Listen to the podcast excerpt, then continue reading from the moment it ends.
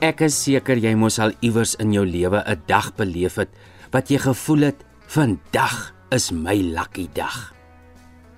Dit is Dinsdag aand. En in vanaand se kortom luister ons na twee stories. Anton Dekker is die leser en hy lees vanaand twee van Jan J.F. Viljoen se kortverhale.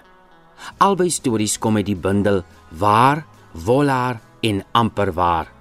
Dit is saamgestel deur die skrywer self en ook uitgegee deur Jan J.F. Viljoen.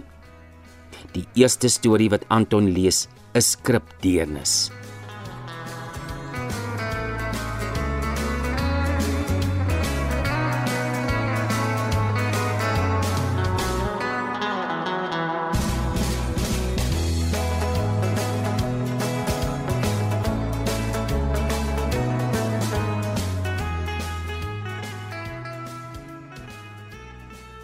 Om 'n graad 3 seun te vra om liefdevol aan 'n meisie se pop te raak, is net so 'n mors van tyd as om vir 'n kat te sê om nie 'n muis te jag nie.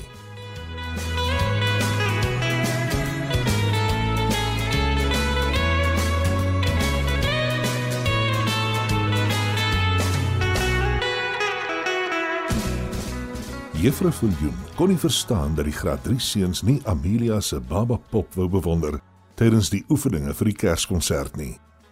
Amelia die rol van Maria gespeel en Pieter was Josef. Hendrik, Alwyn en Wynand was die drie wyse manne wat geskenke vir Amelia se pop gebring het. Die oefeninge het reeds in die laaste week van Oktober begin en elke week tydens die sangperiode het die toneel in die stal meer gestalte gekry. Die seuns het Amelia se pop vir mekaar soos 'n losskakel na die agterlyn uitgegee. Hulle was die pop genadig en het hom nooit gedrop of gestelskop nie. Amelia was meer as een dag in trane. Pieter se passie van haat teenoor 'n pop was net so sterk soos sy deernis vir diere. Hy en Mickey, die koshuiskat, was groot vriende. Aan die begin van die jaar het 'n maatjie Mickey van die plaas af saamgebring. Pieter het haar skelm kos gegee. Sy het al die pad tussen die koshuis en die graad 3 klaskamer goed geken. Mickey was 'n nuuskierige kat en baie lief daarvoor om rondgedra te word. Juffrou Greef moes al by verskeie geleenthede vir Pieter aansê om net die kat neer te sit terwyl hulle oefen. Daar is nêrens in die Bybel sprake dat katte tydens die eerste Kersfees 'n rol gespeel het nie. Die laaste paar weke het sy ook uh, baie vet geword. Al die kinders was lief vir Mickey behalwe Amelia. Sy het 'n ongekende vrees vir katte gehad. As Mickey Tina sou kom skuur, het sy gegril en weggestaan. 'n Week voor die Kerskonsert was Juffrou Greef al regtig moedeloos. Die dekor was klaar en regtig pragtig. Die stal was realisties met baie hooi wat sy by die ryklip gebeur het. Teen die agtergrond was beeste en donkies, asook 'n venster geverf. Deur die venster kon jy in die verte herders met hulle skape sien. Die Bethlehemster het helder bo in die blou lug geskyn. Die seuns wou weet hoekom dit in die daglig sigbaar is. En meneer Pinaar, die kunsonderwyser en die skepper van die meesterstuk, het gesê dat daar nêrens in die Bybel staan dat die ster net in die donker gesien is nie. Dis blykbaar hoekom die sterrekykers die ster tussen al die ander miljoene kon onderskei. Amelia se pop was die Jesuskind. Josef en die wyse sterrekykers met hulle geskenke van goud, wierook en mirre moes oor die krib buig. Josef moes dan die kindjie vir hulle een na die ander aangee. Elkeen moes die kind se lof besing terwyl hulle oor die deugde van hulle spesifieke geskenke uitwy. Die seuns het hulle woorde perfek geken. Amelia was die volmaakte Maria. Die seuns kon dit net nie regkry om 'n deernis aan Amelia se lewensgrootte pop te raak nie. Hulle het of die pop aan 'n arm of 'n been vir mekaar aangegee. Nie een kon die pop soos 'n liefdevolle vader of 'n bewonderende besoeker uit die ooste sagkens hanteer nie. Hoe meer juffrou Viljoen vir hulle probeer wys het, hoe meer aversie het hulle teen die pop ontwikkel. Einde ten laaste het juffrou moed opgegee. Die toneel is op die laaste dag voor die konsert verander. Die woorde het dieselfde gebly, en die seuns moes net afbuig en oor die baba streel as hulle hul woorde resiteer. Maar helaas, ook dit wou nie werk nie. Die seuns het verseg om hulle hande in die wiegiekrib te steek. Al wat juffrou kon doen, was om vir Amelia te vra om haar pop te gaan bære en net 'n paar kombersies in die krib te sit. Sy moes maar 'n kussing soos 'n baba tussen die komberse toedraai vir die toneel waar sy met die baba van die verhoog afstap. Die aand met die konsert het alles vlot begin. Die graad 1tjies en graad 2s het hulle spreekhoor en hulle kersliedere voor die gordyn gelewer.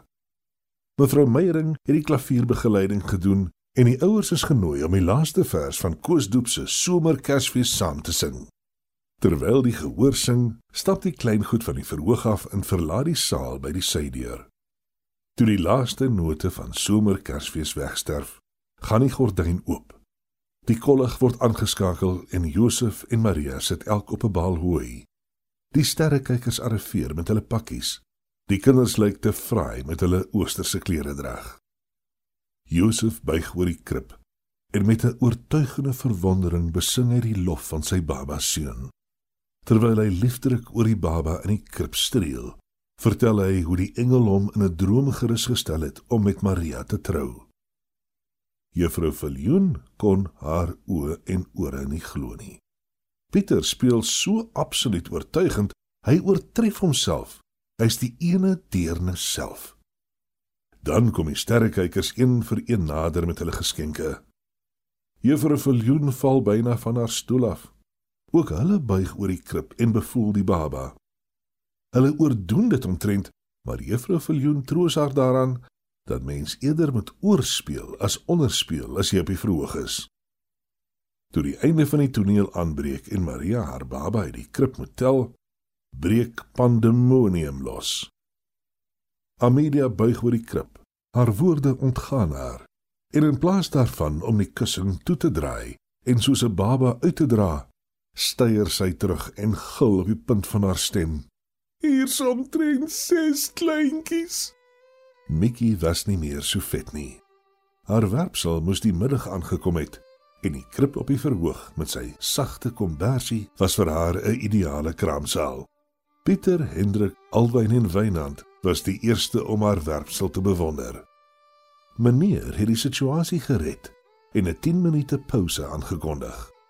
Tot dusver was dit nog die enigste konsert in die skool se geskiedenis met twee pauses. O Jan Hawkins had 'n kat wat die ou nie wou verlaat. Hy het alles geprobeer om die kat daar weg te keer, selfs na die predikant om raad van hom te kry. Die predikant die het gesê die kat moet daar bly. Dit was skripteernis deur Jan J.F. Viljoen. Weer net die volgende dag, die kat kom weer, glo vir my dis waar.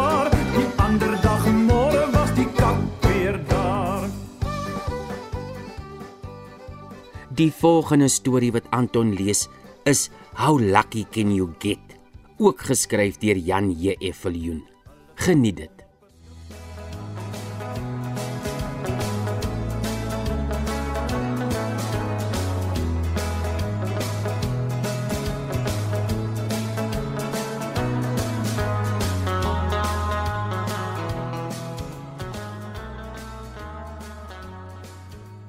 In 2001 het ons plaaslike weermag rolbalspan in Port Elizabeth aan die SA Open Mans rolbaltoernooi gaan deelneem.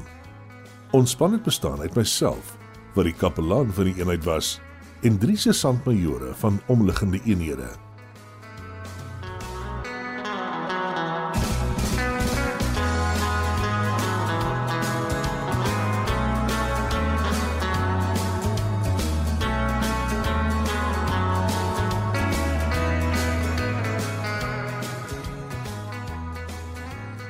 Kolonel Borman, bevelvoerder van die eenheid op Heidelberg, roep my toe in. "Eh, Dominee, ek gaan uh, Samuel Snoek toelaat om saam te gaan, maar net omdat jy saamgaan. Jy weet dat die man se kop leerlik kan uithak. Hy sal deur twee huwelike. Hy het homself uit die eerste huwelik gedrink en die tweede vrou het hom verlaat vanweë sy los oog. En die derde het kom klaar dat hy hulle swaar verdiende kosgeld by die dobbelmasjiene blaas. Ek verwag van u as kapelaan om 'n oog oor hom te hou. Ek moet dit so aanvaar. Snoek is ons beste speler. Hy kan die lê van die balle goed opsom. Uitstekende trekhouer rol en kan absoluut akkuraat dryf. As ons die beste span wou inskryf, moes Snoek saamgaan. Die derde oggend van die toernooi aan die ontbyttafel sê Snoek toe vir my: "Dominee, vandag voel ek baie lucky. Ek ek weet nie hoekom nie, maar vandag is my lucky day." Dit was nogal ware woorde. Met ons eerste wedstryd vir die dag op Womer se munisipale bane speel ons teen Edenvale A. Op die 11de kop behaal ons 'n perfekte 8. Dit gebeur nie sommer nie. Veral nie in 'n nasionale kampioenskap nie. 'n Perfekte 8 beteken dat al 8 balle van 'n span punte aanteken. Dis so goed soos 'n hole in one in golf. En jou assuransie betaal 'n kontant bonus as dit met jou gebeur. Met etenstyd deel die borgers aan ons komplementêre kaartjies uit. 'n R50 gift voucher vir die nuwe casino by die Boardwalk Waterfront. Ek besef toe, dis nie 'n predikant se plek nie, maar die kolonel het my as wagter oor Snoek aangestel en ek sal maar liewer saamgaan. Alleen kan ek Snoek nie in daardie plek loslaat nie. Ek het mooi die reëls neergelê. 1. Ons kan gaan. 2. Ek hou sy bankkaart by my. 3. Alles wat hy wen, word dadelik gebank. 4. Hy speel net die R50 op die geskenkbewys en gebruik nie sy eie geld of wengeld om te speel nie. So gesê, so gemaak. By die kasino aangekom word ons ondersoek met 'n metaalverklikker. Wie word uitgewys as 'n oortreder? Die dominee. My Swiss Army knife knipmes word as 'n verbode item verklaar en in 'n kluis toegesluit. Nou kan ons ingaan. Snoek is in die wolke. Hy vertel weer hoe gelukkig hy voel. Die vouchers word ingegee en elkeen kry sy R50 kontant in 50 sent stukke. Ek hou myne in 'n banksakkie. Dit sal my sakgeld wees vir die volgende dag of twee. Snoek speel die one-arm bandit. Hy gooi 350 sente in en trek die arm. Die prentjie op die skerm rol en stop. Drie kersies in 'n ry. Ek dog eers daar's 'n roof. 'n Sirene gaan af, liggies flikker, klokkies lui en personeel storm op Snoek af. Jackpot, jackpot, gil iemand hier van die kant af. Snoek wen R33866.50. Kom Snoek, ons gaan huis toe. Jy het gewen. Jy was lucky cash in en laat ons waai. Nee, Dominie. Ek sê die R33866.50 bank, maar ek het nog R48.50 van my voucher oor om te speel. Dominee het self die reël gemaak dat ek kan speel totdat dit op is. So gesê, so gemaak. Na die geld in sy rekening oorgeplaas is, stap ons oor na die tafels. Ek ken nie die reëls nie, maar as Snoek rooi roep, stop die wiel op rooi. As hy swart roep, stop die wiel op swart. Snoek wen nog R3000. Die laaste 10 rand speel Snoek op die kaart games. Met blackjack word sy 10 rand 'n volle 510 rand. Nou gaan ons huis toe. Jou 50 rand het 'n fortuin geword. Cash in en laat ons waai. Snoek gehoorsaam, maar hy stribbel te. Ek voel nog lucky en dink ons moet nog bly. Maar ek laat my nie ompraat nie. Jy was 3 keer lucky vanaand. 4 keer is ons die perfekte 8 bytel. Jy kan nie nog 'n 5de keer lucky wees nie. Snoek gee toe. Hy cash in en sy bankkaart bly in my besit. Toe ons by die deur uitstap, kom daar 'n blondine dame reg op hom afgestap. Soos die oosterse vroue, het sy 'n kol op haar kop, maar haar kol is blou en haar voorkoms alles behalwe oosters. Haar optrede getuig ook nie van godsdienstigheid nie. "Jy moet saam met my kom," sê sy. Dis jou lucky aand vanaand. Samuel, sê ek vir Snoek. Jy's 'n getroude man. Die kolonel vertrou jou met my as jou voog. Alles het goed gegaan. Moenie jou lak nou te ver druk nie. Wat kan verkeerd gaan?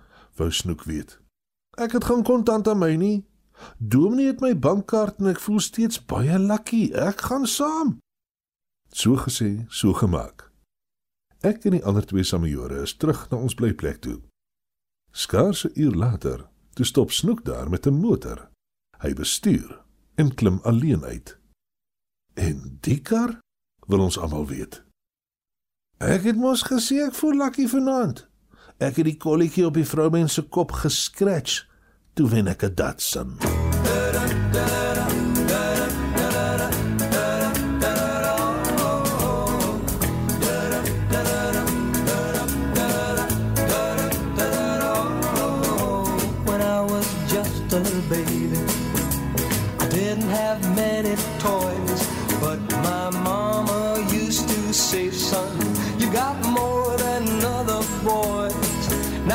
may not be good looking, and you may not be too rich, but you'll never ever be alone, cause you've got lucky lips.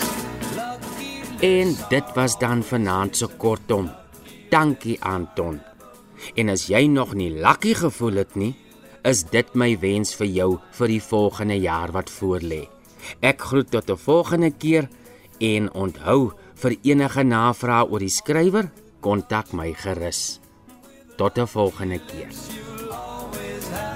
a baby in your arms.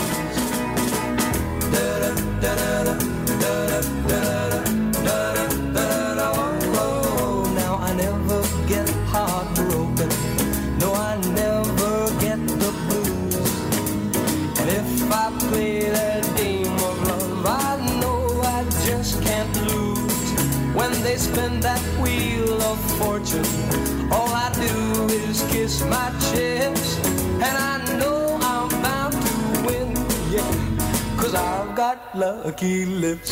Lucky lips are always kissing. Lucky lips are never blue. Lucky lips will always find a pair of lips so true. Don't need a four-leaf clover, rabbit's foot, or a good luck charm. With lucky lips, you'll always have a baby in your arms. Oh, lucky lips are